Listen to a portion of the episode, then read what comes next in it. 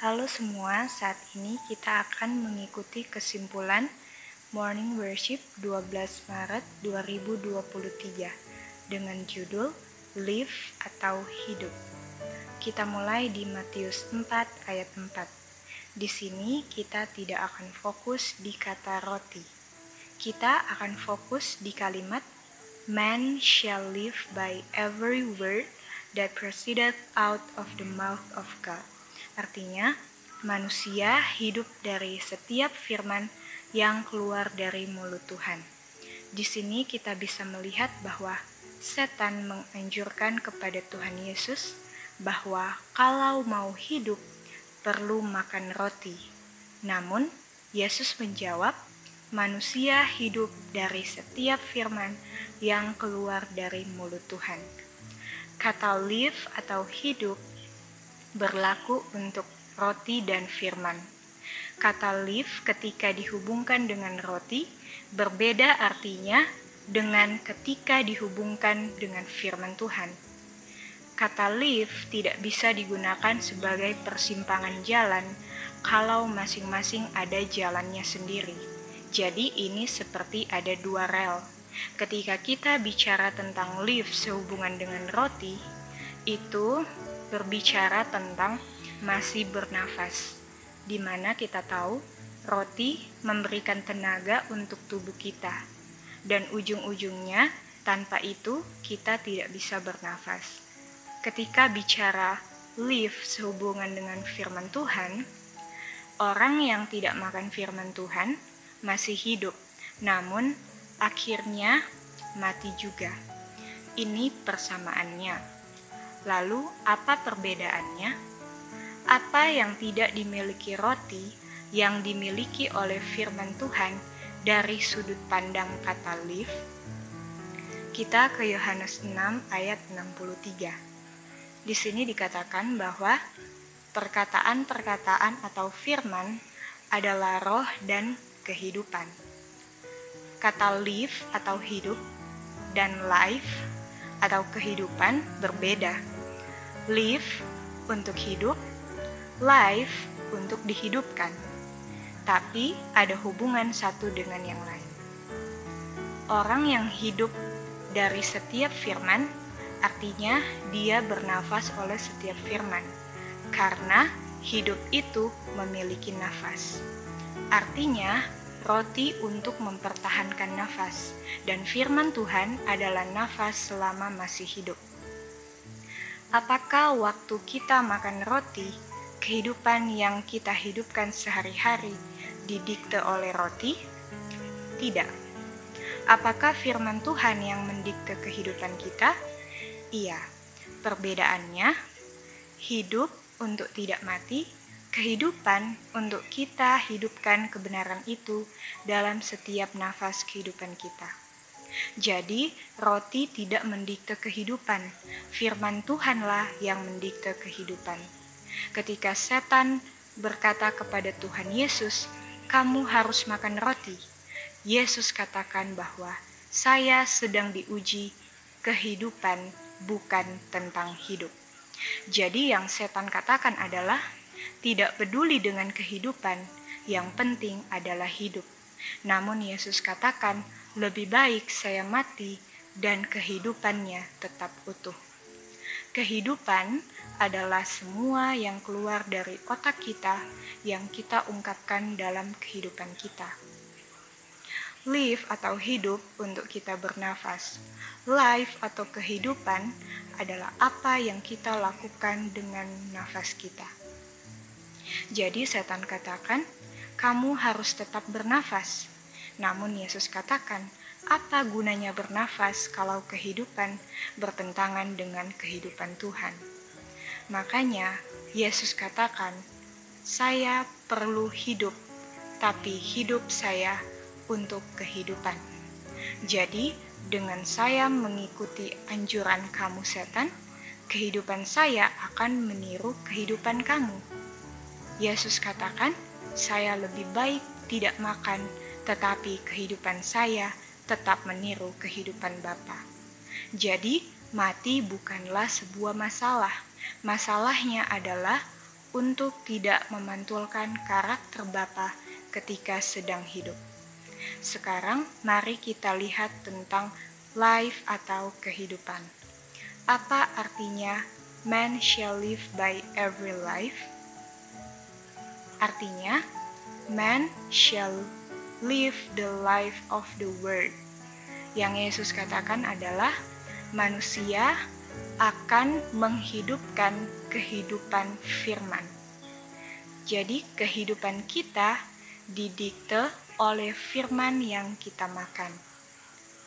Di Yohanes 6 ayat 63 kita tahu bahwa perkataan-perkataan atau firman yang Tuhan Yesus ucapkan adalah roh dan kehidupan.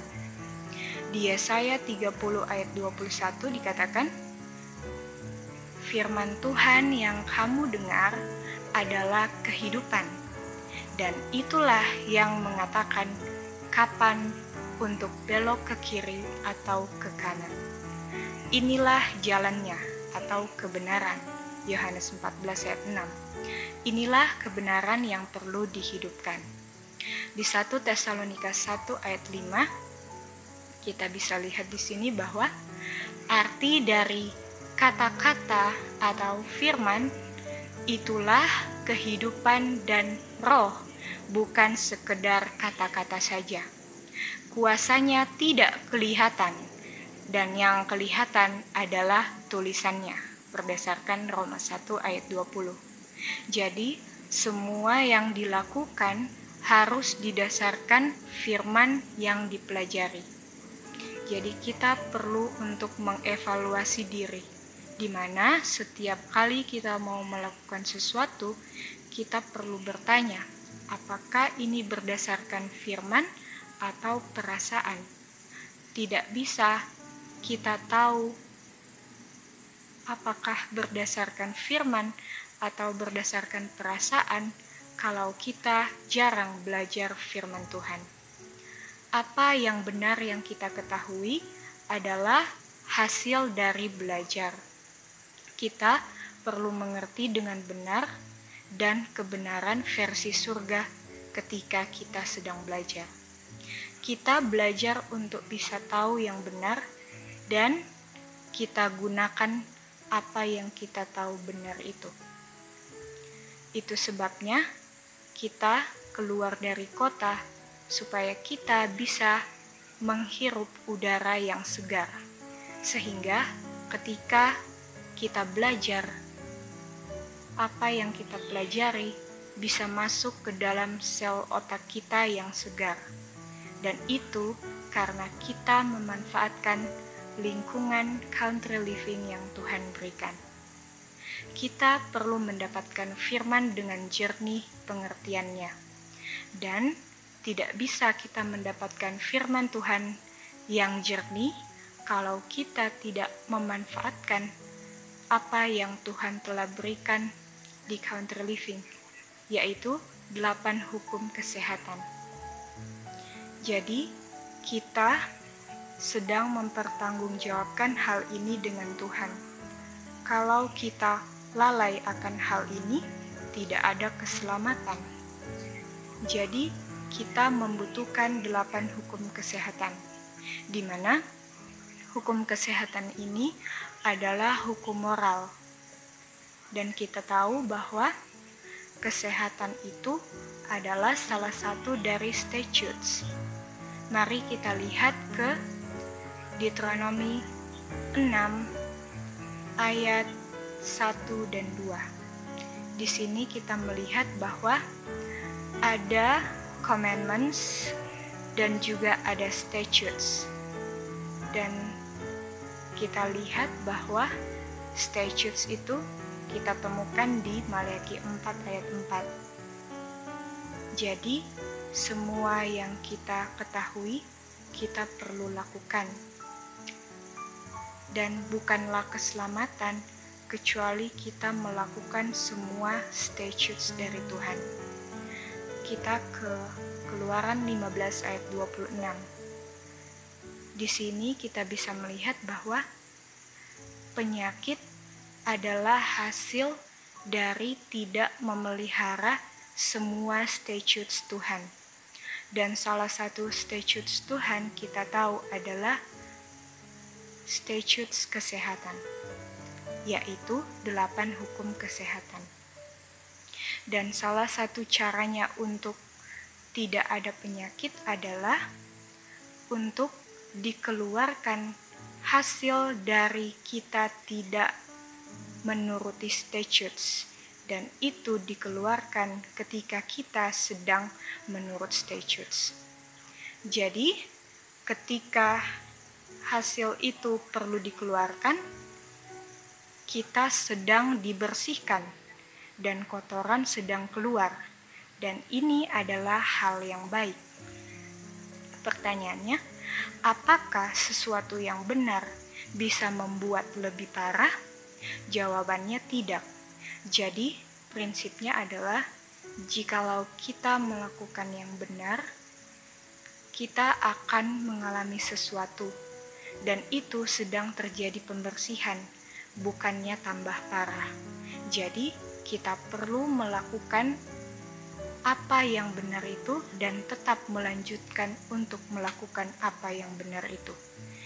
Contohnya, ketika Naaman yang sakit kusta disuruh untuk ke sungai Jordan, awalnya dia katakan bahwa itu tidak masuk akal.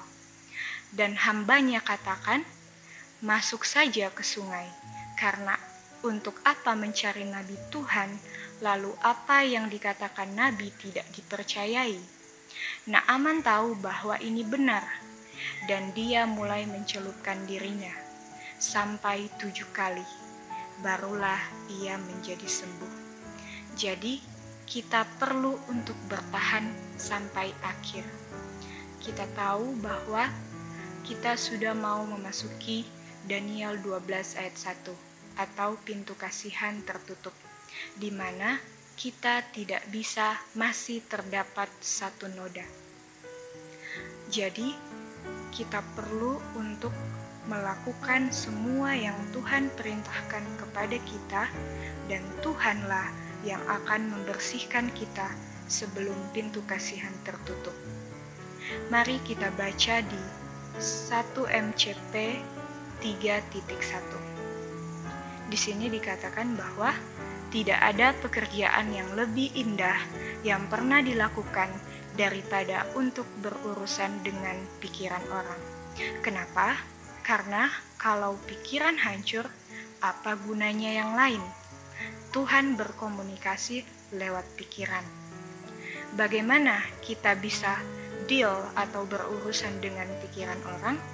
Caranya adalah dengan kita mengatakan apa yang benar.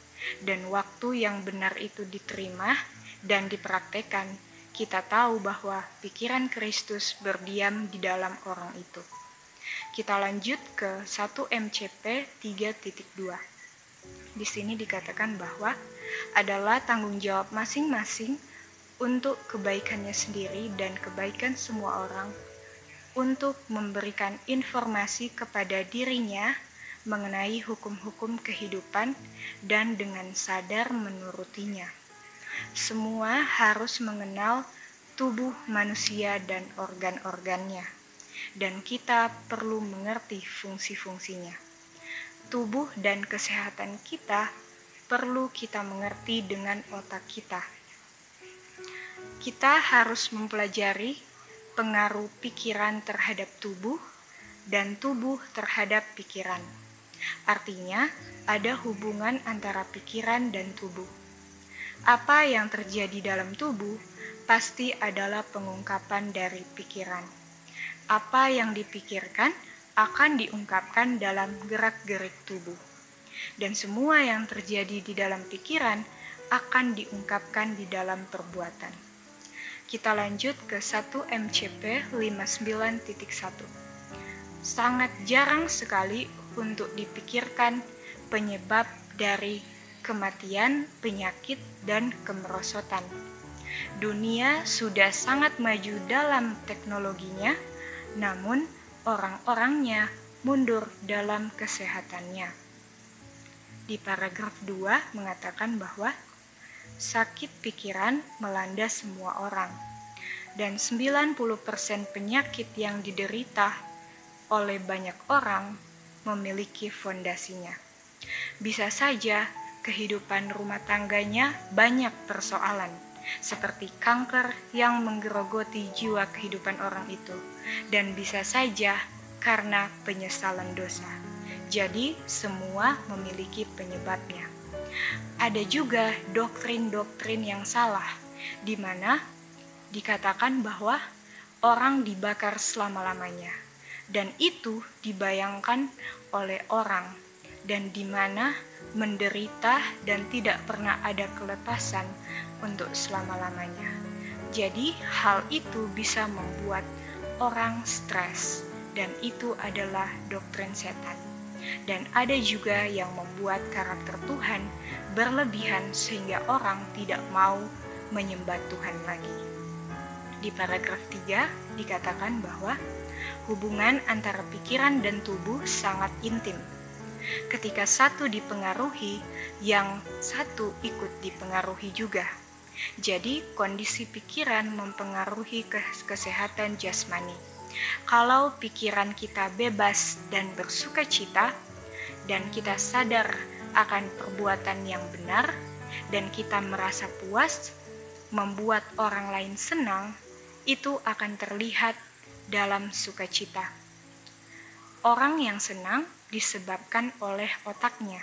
Sebaliknya, orang yang tidak senang disebabkan oleh otaknya juga. Sukacita akan menyebabkan peredaran darah yang sangat baik. Tubuh kita sehat karena yang dipikirkan adalah firman Tuhan yang membebaskan kita dari semua yang tidak baik. Berkat Tuhan adalah kuasa penyembuhan mereka yang dipenuhi dengan manfaat ini akan menyadarinya dalam hatinya dan dalam kehidupannya akan terungkap kesehatannya. Pikiran mengendalikan seluruh tubuh. Agar tubuh sehat, pikiran atau otak kita harus sehat. Untuk otak kita sehat, apa yang kita beri makan? Agar otak kita sehat, darah kita perlu murni.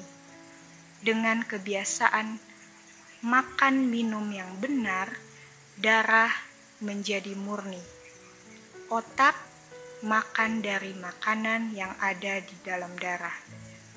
Sangat penting untuk kita menjaga otak kita selalu positif, dan yang membuat positif adalah firman Tuhan. Itu adalah makanan dari otak kita otak kita lah yang mendikte keputusan tubuh kita.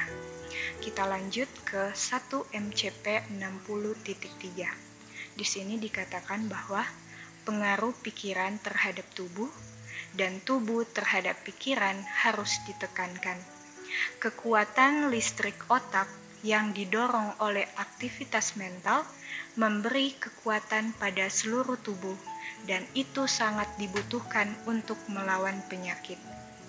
Di Keluaran 15 ayat 26, jikalau otak kita diberi makan firman Tuhan, tidak akan ada penyakit, dan itu adalah statutes. Kalau kita melakukan semua statutes Tuhan, kita tidak perlu takut untuk mendapatkan penyakit. Untuk tidak mendapatkan penyakit, itu bukan karena kebetulan, tetapi itu karena firman Tuhan. Sakit disebabkan karena tubuh lemah, dan tubuh yang lemah karena pikiran lemah, dan pikiran yang lemah itu karena makanannya lemah. Kalau tubuh kita lemah, penyakit gampang untuk masuk. Semua mulainya karena apa yang masuk.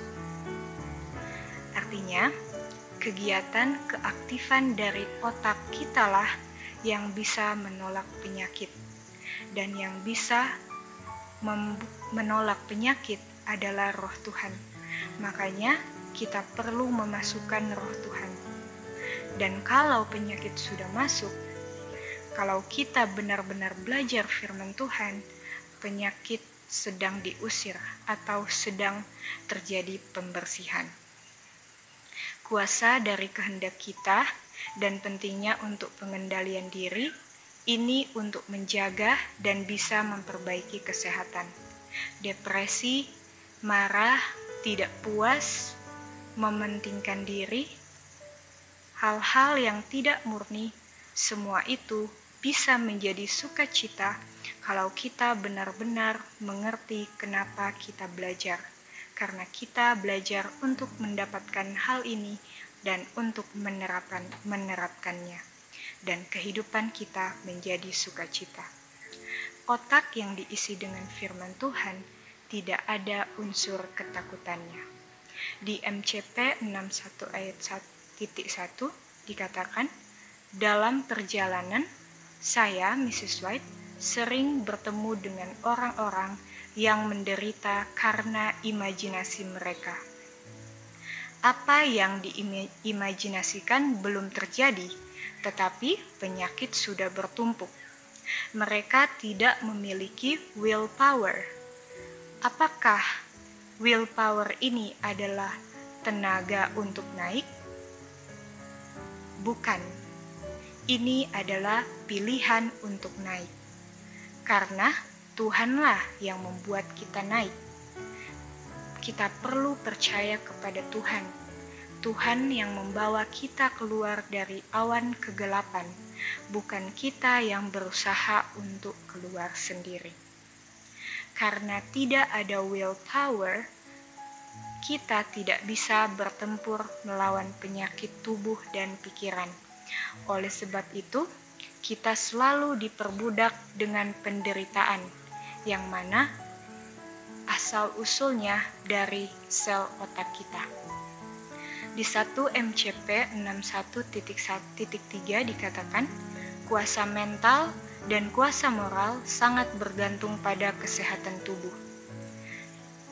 Tadi kita lihat bahwa tubuh bergantung pada mental dan pikiran. Namun sekarang kebalikannya Artinya kita bisa lihat bahwa ini saling bekerja sama. Kalau tubuh sakit itu bisa mempengaruhi mental kita. Di 1 MCP 62.1 dikatakan banyak penyakit fisik, mental, dan moral karena mereka sangat fokus akan diri mereka sendiri. Jadi, kalau kita mementingkan diri sendiri, itu adalah salah satu penyebab dari penyakit. Di 1 MCP 62.3 dikatakan bahwa adalah tugas dari setiap orang untuk membina sukacita daripada kesedihan dan masalah. Biasakanlah sukacita, jangan memanjakan kesedihan dan masalah. Kalau dimanjakan, otak akan mempengaruhi tubuh dan tubuh terlihat bukan main tidak senangnya. Gerak-gerik kita didikte oleh otak kita. Di 1 MCP 62.1 dikatakan, mereka hanya memikirkan diri mereka sendiri, dan mereka bisa diselamatkan dari tidak pernah ada pergerakan dalam kehidupan ini, dan mereka bisa menjadi seperti anak-anak yang penuh dengan sukacita. 1 MCP 63.1 dikatakan bahwa kalau kita mau merawat orang sakit, kita perlu mempelajari pikiran, karena di situlah mulainya. Dalam merawat orang yang sakit, efek dari pengaruh mental jangan tidak diperhatikan.